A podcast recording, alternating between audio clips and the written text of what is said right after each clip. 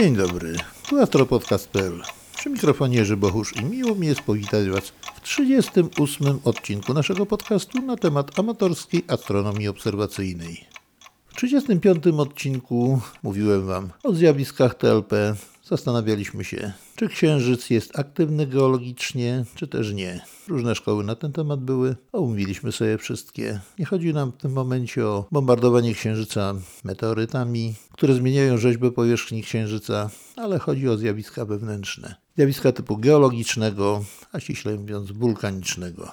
W 36 odcinku mówiliśmy o tym, jak nadmierna nadinterpretacja tego, co widzimy, przyczynia się do powstawania różnych dosyć kuriozalnych przypuszczeń na temat rzeźby powierzchni Księżyca, jego ukształtowania i tego, co się na nim znajduje. W dzisiejszym odcinku powiemy sobie o jednej obserwacji, która dowodzi, że Księżyc nie jest jednak całkowicie martwym geologicznie, że jednak posiada szczątkową, niewielką, ale jednak obserwowalną działalność wulkaniczną. Obserwacja ta zasługuje na uwagę również dlatego, że jest to jedyna udokumentowana w pełni i najlepiej udokumentowana obserwacja właśnie zjawisk przejściowych na Księżycu, a ściślej erupcji wulkanicznej. Już od samego początku obserwacji, zwłaszcza teleskopowych, Różni obserwatorzy zgłaszali, że widzieli jakieś zmętnienia, zamglenia w poszczególnych kraterach. Niektórzy wprost mówili, nawet Sir William Herschel, że widzieli wybuch wulkanu na Księżycu, ale wszystko to były doniesienia wizualne, niepotwierdzone przez innych obserwatorów, więc raczej, no powiedzmy sobie, mało albo w najlepszym razie średnio wiarygodne. Tym razem będziemy mieli do czynienia z obserwacją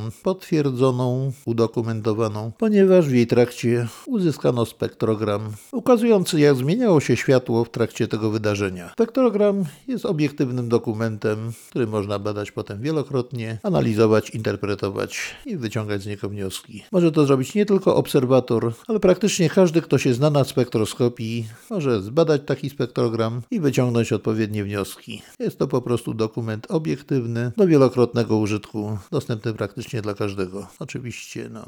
Pojęcie dla każdego jest względne, ponieważ jest to tylko pojedynczy dokument, który można fotograficznie chociażby powielić i rozesłać do poszczególnych uczonych. Pamiętajmy, że były to lata 50. i zdjęcie robiono tylko metodą fotochemiczną. W dzisiejszych czasach uczeni mają wiele prościej nie tylko zresztą astronomowie, ponieważ każdy dokument w formie cyfrowej można błyskawicznie rozesłać po całym świecie, a kopiować je można praktycznie bez utraty jakości, także kopia nie odbiega praktycznie od oryginału i każdy ma taki sam dostęp do informacji, jaki ma ten, który taki spektrogram uzyskał. Istnieją różne metody badań zjawisk typu TLP. Najprościej byłoby badać całą powierzchnię Księżyca, tak żeby ją obserwować przy mniejszym nieco powiększeniu i zwracać szczególną uwagę na jakieś zjawiska odbiegające od normy. Jest to jednak metoda dosyć mało efektywna. Jeszcze raz, że będzie mniejsze powiększenie, dwa, że musimy zwracać uwagę na całą powierzchnię Księżyca, a takie zjawiska niestety na całej powierzchni nie występują, tylko okazuje się, że najczęściej w pewnych określonych obszarach wokół pewnych obiektów księżycowych, najczęściej kraterów, przylądków, brzegów mórz. Tam, gdzie wcześniej była jakaś aktywność dosyć silna, tektoniczna, wulkaniczna, czy spowodowana uderzeniem meteorytów, czyli tam, gdzie grunt jest przeważnie najsłabszy, jakoś zmetamorfizowany, ale nie wdawajmy się na razie w rozważania geologiczne, dlatego że zwiększyć efektywność swoich obserwacji, astronomowie badają poszczególne obiekty na powierzchni Księżyca, takie, w których wcześniej zgłaszano jakąś aktywność, jakieś zmiany, zamglenia, jakieś anomalie w każdym razie. Najczęściej następują one w kraterach Arystarch, a także między innymi w kraterach Alfons, kraterze Tycho często są obserwowane także w kraterze Proklus, Platon i jeszcze wielu innych. Dosyć często i bardzo ciekawe wydarzenia dzieją się w kraterze Alfons. Jest to krater leżący pośrodku trójki kraterów, mianowicie Ptolemeusz, Alfons i Erzachil. Leżą prawie na środku tarczy księżycowej,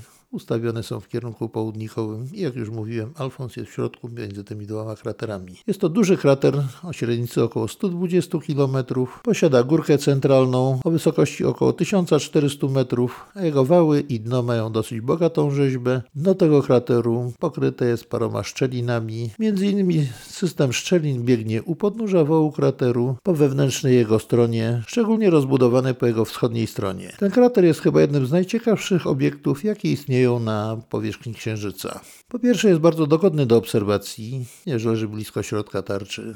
Nie widać na nim żadnych skrótów perspektywicznych, tylko widać go takim, jaki jest, bo patrzymy na niego na wprost, a nie pod kątem. Jakby się dobrze przyjrzeć, możemy stwierdzić, że krater nie ma zarysu okrągłego, a w zasadzie taki no, delikatnie pięciokątny. W porównaniu do tym, leżący wyżej i większy krater Ptolemeusz ma zarys w zasadzie sześciokątny, jakby się dobrze przyjrzeć. Natomiast Arzachiel rzeczywiście już klasycznie jest kraterem okrągłym. Najciekawsze jednak jest wnętrze tego krateru. Jego górka centralna jest bardzo gładka w porównaniu do podłoża. Nie posiada na szczycie małego kraterku, jak to posiadają niektóre inne górki centralne w, innych kraterach. No krateru jest nieco ciemniejszy. Natomiast przez niewielki nawet teleskop zauważymy charakterystyczne trzy punkty. Ciemne punkty leżące u podstawy wału krateru. Dlaczego o nich wspominam? Ponieważ są to dosyć ważne punkty z punktu widzenia naszych rozważań. Jeżeli patrzymy przez niewielki teleskop, a Słońce stoi wysoko nad kraterem, zauważymy w zasadzie tylko te trzy punkty. Jeżeli patrzymy przez większy teleskop, a Słońce pada bardziej skośnie, zauważymy również, chociaż dosyć słabo widoczny, system szczelin, jakie leżą na dnie tego krateru. Jeżeli przyjrzymy się obrazom uzyskiwanym z, nisko, z niskich orbit satelitarnych wokół księżycowych, wtedy dopiero zobaczymy najciekawsze rzeczy. Mianowicie, te trzy punkty w zasadzie nie są trzy, a można doliczyć ich aż siedem. Te trzy są największe, najbardziej charakterystyczne. Jak się na nie patrzy od razu, pierwsza rzecz, która się nasuwa, są to twory typowo wulkaniczne. Leżą one na szczelinach. Wygląda to tak, jakby na szczeliny wysypywało się dosłownie wydmuchane jakaś substancja, pył, coś takiego i układało się taki okrągły wzgórze z kraterem pośrodku. Widać od razu jest także na pierwszy rzut oka, że część tych szczelin jest zasypana. Ten pył, nazwijmy go umownie, wsypuje się i wychodzi troszeczkę bardziej w głąb szczelin niż otaczające na nieco wyżej położonym obszarze podnóże tych właśnie górek. Jak mówiłem, takich kraterków można doliczyć się aż siedem. Większość z nich leży na szczelinach i co ciekawsze, te kraterki nie są okrągłe, tak jak kratery uderzeniowe, które najczęściej mają kształt idealnie okrągły albo prawie idealnie,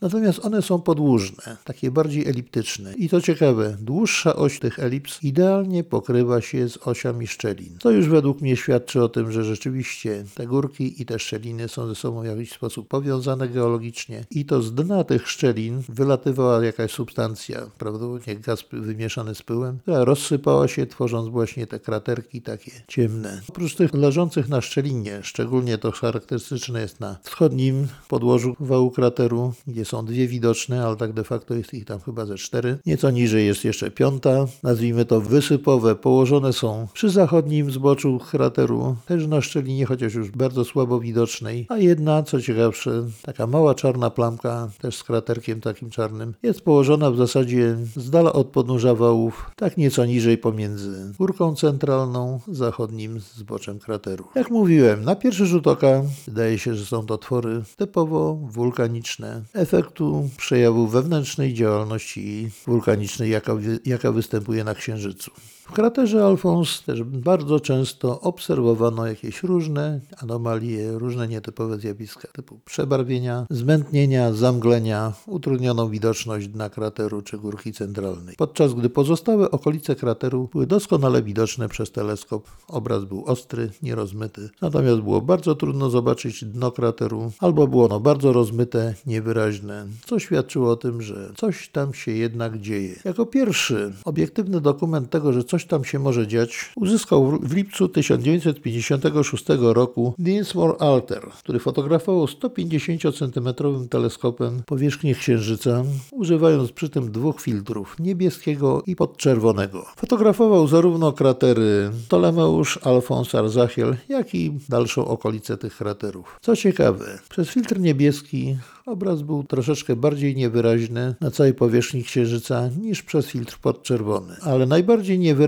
obszar był właśnie na dnie krateru Alfons. Podczas gdy w podczerwieni było wszystko widać bardzo dobrze, bardzo wyraźnie widać było górkę centralną, było dno krateru. Przez filtr niebieski było to słabo widoczne, o wiele słabiej niż okoliczne tereny wokół krateru Alfons. Co się mogło dziać? No mogło tam dojść do jakiejś erupcji gazów, ponieważ coś musiało spowodować właśnie, że w tym miejscu akurat ten obraz był taki niewyraźny. Wykorzystując te przesłanki, w 1958 roku radziecki astronom Mikołaj Kozyryw z obserwatorium w Pułkowie podjął obserwację powierzchni Księżyca właśnie w ramach zagadnienia występowania zamgleń zarówno na powierzchni Marsa, jak i przy okazji na powierzchni Księżyca. Posługiwał się również wielkim 125-cm teleskopem doskonałej jakości zainstalowanym w obserwatorium na Krymie, gdzie są doskonałe warunki właśnie do tego typu obserwacji. A ponieważ działał według określonego programu i miał do dyspozycji dosyć bogato rozbudowany sprzęt, żeby móc obiektywnie określić, jakieś zam-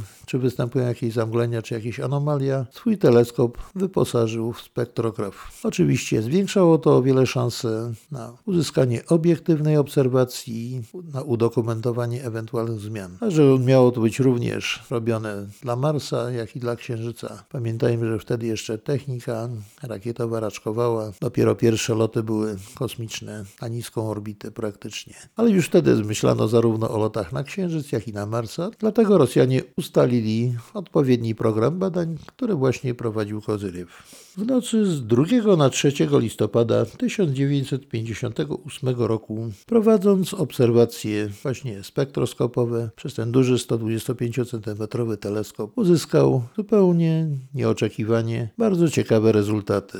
Dlatego chciałbym przytoczyć dosyć obszerne fragmenty jego raportu naukowego, przynajmniej te dotyczącej przebiegu obserwacji i tego, co zaobserwował. Oddajmy mu zatem głos. W widmach krateru Alfons nie zauważono żadnych osobliwości aż do nocy z 2 na 3 listopada. 3 listopada nad ranem otrzymano trzy widma krateru Alfons. Szczelina spektrografu przecinała krater wzdłuż średnicy, przechodząc przez górkę centralną. Podczas wykonywania pierwszego zdjęcia widma, około godziny pierwszej czasu uniwersalnego, przy kontroli ustawienia szczeliny zauważyłem ze zdziwieniem silne rozmycie i niezwykły czerwony odcień górki centralnej. Zgodnie z programem, po uzyskaniu tego widma należało przejść do badań widmowych Marsa.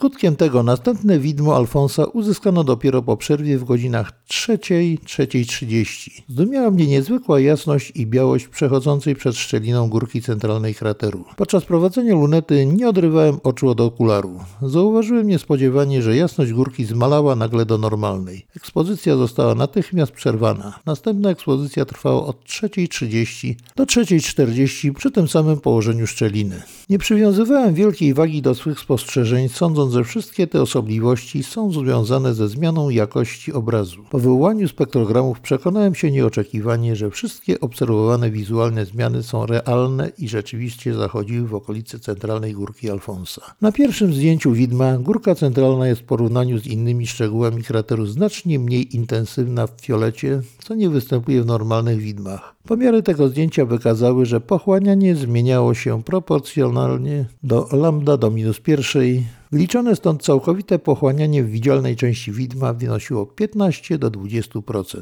Na drugim zdjęciu widma pochłanianie to nie występuje, natomiast rzuca się w oczy gazowe widmo emisyjne składające się z szeregu szerokich pasm nałożonych na normalne widmo górki centralnej. Trzeci spektrogram pokazuje normalny stan krateru. Widać stąd, że zjawisko wypływu gazów trwało nie dłużej niż 2,5 godziny i nie krócej niż 30 minut. Następnej nocy z 3 na 4 listopada otrzymano jeszcze dwa widma krateru Alfons. Wykazały one, że krater znajduje się nadal w stanie normalnym. Wieczorem 4 listopada nastąpiła trzecia kwadra i Alfons przestał być widoczny i dostępny dla dalszych obserwacji.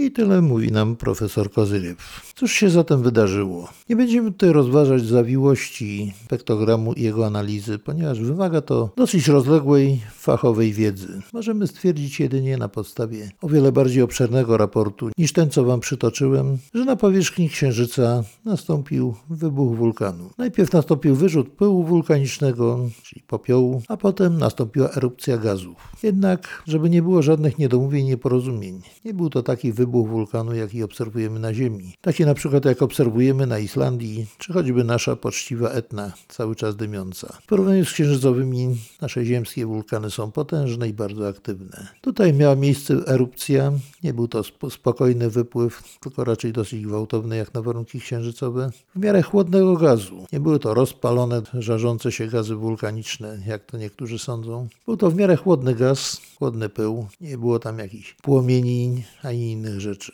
Cóż zatem świeciło? Na początku pył przesłaniał widok na dno i na górkę centralną krateru, a potem nastąpiło pojaśnienie. To świeciły z kolei gazy. Nie, nie świeciła sama górka centralna, a fluoryzowały gazy pobudzone do świecenia przez promieniowanie słoneczne. Jako, że na Księżycu nie ma atmosfery, promieniowanie słoneczne do, docierało bezpośrednio do bąbla gazów, który był na tyle gęsty, że mógł je absorbować i wywoływać właśnie świecenie. Oczywiście, świeciła tylko ta część tego bąbla, która była zwrócona w stronę Słońca. Dlatego nie świecił cały, a tylko jego właśnie fragment. W ten sposób, właśnie w wyniku tej erupcji, utworzyła się chwilowa, lokalna atmosfera. Bąbel gazu, który w miarę rozprężania się rzedł i ulatniał się w przestrzeń kosmiczną. Kiedy gęstość gazu już zmalała na tyle, że przestał absorbować promieniowanie, jasność górki centralnej, a ściślej tego, co świeciło nad górką centralną, po prostu zmalała i obraz księżyca przyjął normalny wygląd, taki jaki obserwujemy na co dzień, chociażby patrząc się przez teleskopy. Wracając jeszcze do poprzedniego opisu mojego, muszę zaznaczyć, że to było gdzieś w pobliżu górki centralnej, ta erupcja, a nie z tych małych kraterków ciemnych, takich tych, jak ja bym powiedział, wysypowych. Chociaż to dziwna nazwa, ale po prostu tak mi się kojarzy, że coś tam po prostu wydmuchało z wnętrza Księżyca gaz. Te kraterki nie, nie były w tym momencie aktywne. Aktywno było coś w pobliżu górki centralnej. Gdzieś tam wyleciały jakieś gazy, wydmuchnięte zostały. Trudno mi powiedzieć skąd. Ponieważ jak się patrzy na zdjęcia satelitarne z niskiej orbity księżycowej, na górce centralnej nie widać żadnego krateru, ani żadnych jakichś szczelin, rys takich, przez które mogłoby jakaś erupcja nastąpić. Jednak nastąpiła. To obserwowano zarówno wizualnie, jak też uzyskano spektrogram tego zjawiska, czyli dokument jak najbardziej wiarygodny, jak najbardziej rzetelny. Czyli po prostu to, co było i tak jak było. Trudno w jakikolwiek sposób zaprzeczyć obiektywizmowi spektrogramu. Oczywiście były różne interpretacje na ten temat, co wyleciało, jak wyleciało.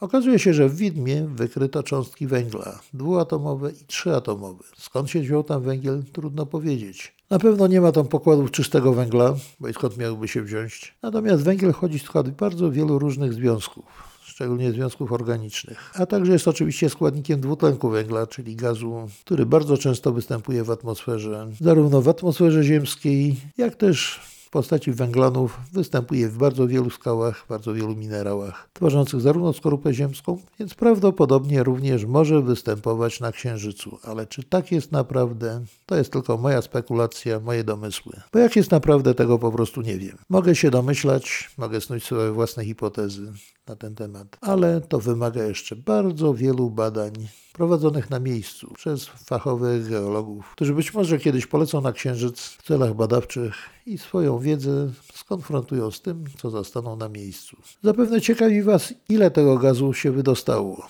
ile tego gazu było, że aż utrudniał on obserwacje a czasami nawet uniemożliwiał górki centralnej i krateru. Otóż, gdyby ten gaz sprężyć do ciśnienia takiego, jakie panuje na powierzchni Ziemi, okazałoby się, że tego gazu tak szacunkowo wyleciało między tysiącem a milionem metrów sześciennych. Na pierwszy rzut oka wydaje się to dużo, ale tak naprawdę to jest bardzo niewiele. Tysiąc metrów sześciennych możemy zamknąć w sześcianie 10 na 10 na 10 metrów, a milion metrów sześciennych zmieści się w sześcianie 100 na 100 na 100 metrów.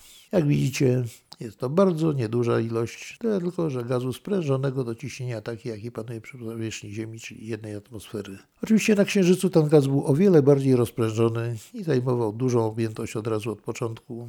Momencie ulatniania się bardzo szybko się rozprzestrzeniał i też szybko ulotnił się w przestrzeń kosmiczną. Jak widać, zjawisko to nie było zbyt pokaźne.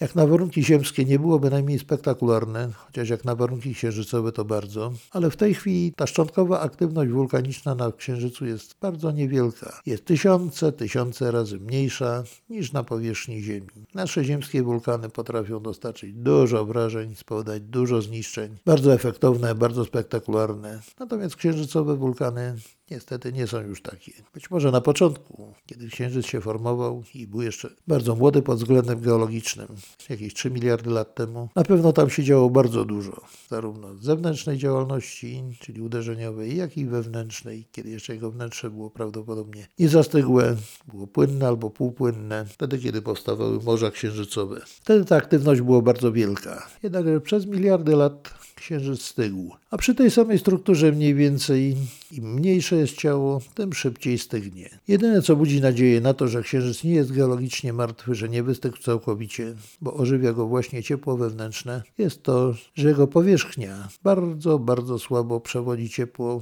jest porowata bardzo, prawdopodobnie też w wyniku pierwotnej działalności wulkanicznej, jak też, że ta skorupa księżycowa, słabo przewodząca, jest bardzo gruba. A co dalej jest we wnętrzu, trudno wyczuć. Po prostu jeszcze nie wiemy dokładnie, nie znamy aż tak bardzo budowy geologicznej księżyca, budowy wewnętrznej, chociażby jak budowę Ziemi, tym niemniej wiemy już na tyle, że możemy już przynajmniej w przybliżeniu określić, jak Księżyc zbudowany jest w środku. Na potwierdzenie tego, że Księżyc nie jest geologicznie martwy, możemy przytoczyć również trzęsienia Księżyca, które wykryte zostały przez instrumenty pozostawione przez załogi pojazdów kosmicznych serii Apollo. Oczywiście nie było już tam astronautów, że pilnowali tych urządzeń, ale były one w pełni automatyczne, zasilane były ogniwami plutonowymi, także starczyło im energii na dosyć długi okres samodzielnej pracy i wszystkie te wyniki pomiarów sejsmicznych były zdalnie przekazywane na Ziemię drogą radiową. Jak więc widzimy, przekonaliśmy się, że Księżyc nie jest geologicznie całkowicie martwy. Oczywiście spektrogram, który uzyskał Kozyriew jest chyba jedynym dotychczas uzyskanym spektrogramem zjawisk TLP na Księżycu ukazującym przebieg erupcji wulkanicznej na powierzchni srebrnego globu. Dlaczego tak się dzieje?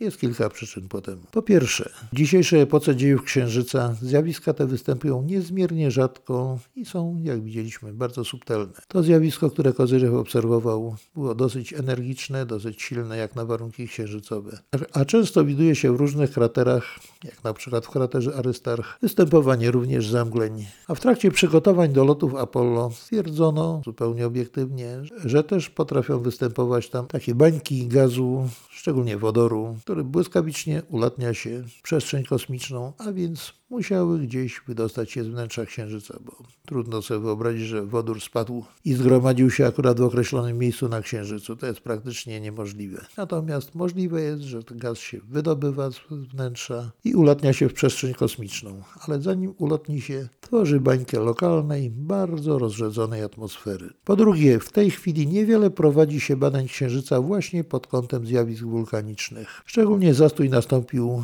po zakończeniu serii lotów Apollo, gdzie wydawało się, że wszystko wiemy, ale się okazuje, że nasza wiedza o Księżycu jest jeszcze bardzo, bardzo niekompletna. I mimo, że tak bliski, najbliższy sąsiad kosmiczny naszej Ziemi jest on jeszcze ciałem ciągle bardzo tajemniczym, skrywa dużo przed nami, a naszym zadaniem jest po prostu poznać te tajemnice. Oczywiście profesjonalni astronomowie, czy astronauci nawet, mają o wiele większe szanse na to, żeby je, żeby je odkryć, ale również my, amatorzy, jeżeli będziemy systematycznie obserwowali Księżyc, jeżeli będziemy wiedzieć, jak to zrobić, a dokładnie jak to robić, to powiem Wam w jednej z następnych audycji, bo jest oczywiście program takich obserwacji i są określone procedury obserwacyjne ustalone przez BA i ALPO. I jeżeli będziemy się do nich stosować, będziemy obserwacje prowadzili systematycznie, wtedy mamy szansę, że i my odkryjemy jakieś zmiany na powierzchni Księżyca, jakąś działalność wulkaniczną albo tego typu podobne zjawiska. Także jeszcze wszystko przed nami, tylko że działalność astronoma musi cechować się ogromną cierpliwością, systematycznością i bardzo wielkim obiektywizmem i krytycyzmem w stosunku do tego, co obserwujemy. Ponieważ, jak tu już wskazałem Wam w 36 odcinku, bardzo łatwo można zejść na manowce. A przecież nie o to nam chodzi. Nie chodzi nam o księżycowe bajki, tylko o to, żeby powiększać naszą wiedzę na temat Srebrnego Globu. I to już wszystko na dzisiaj.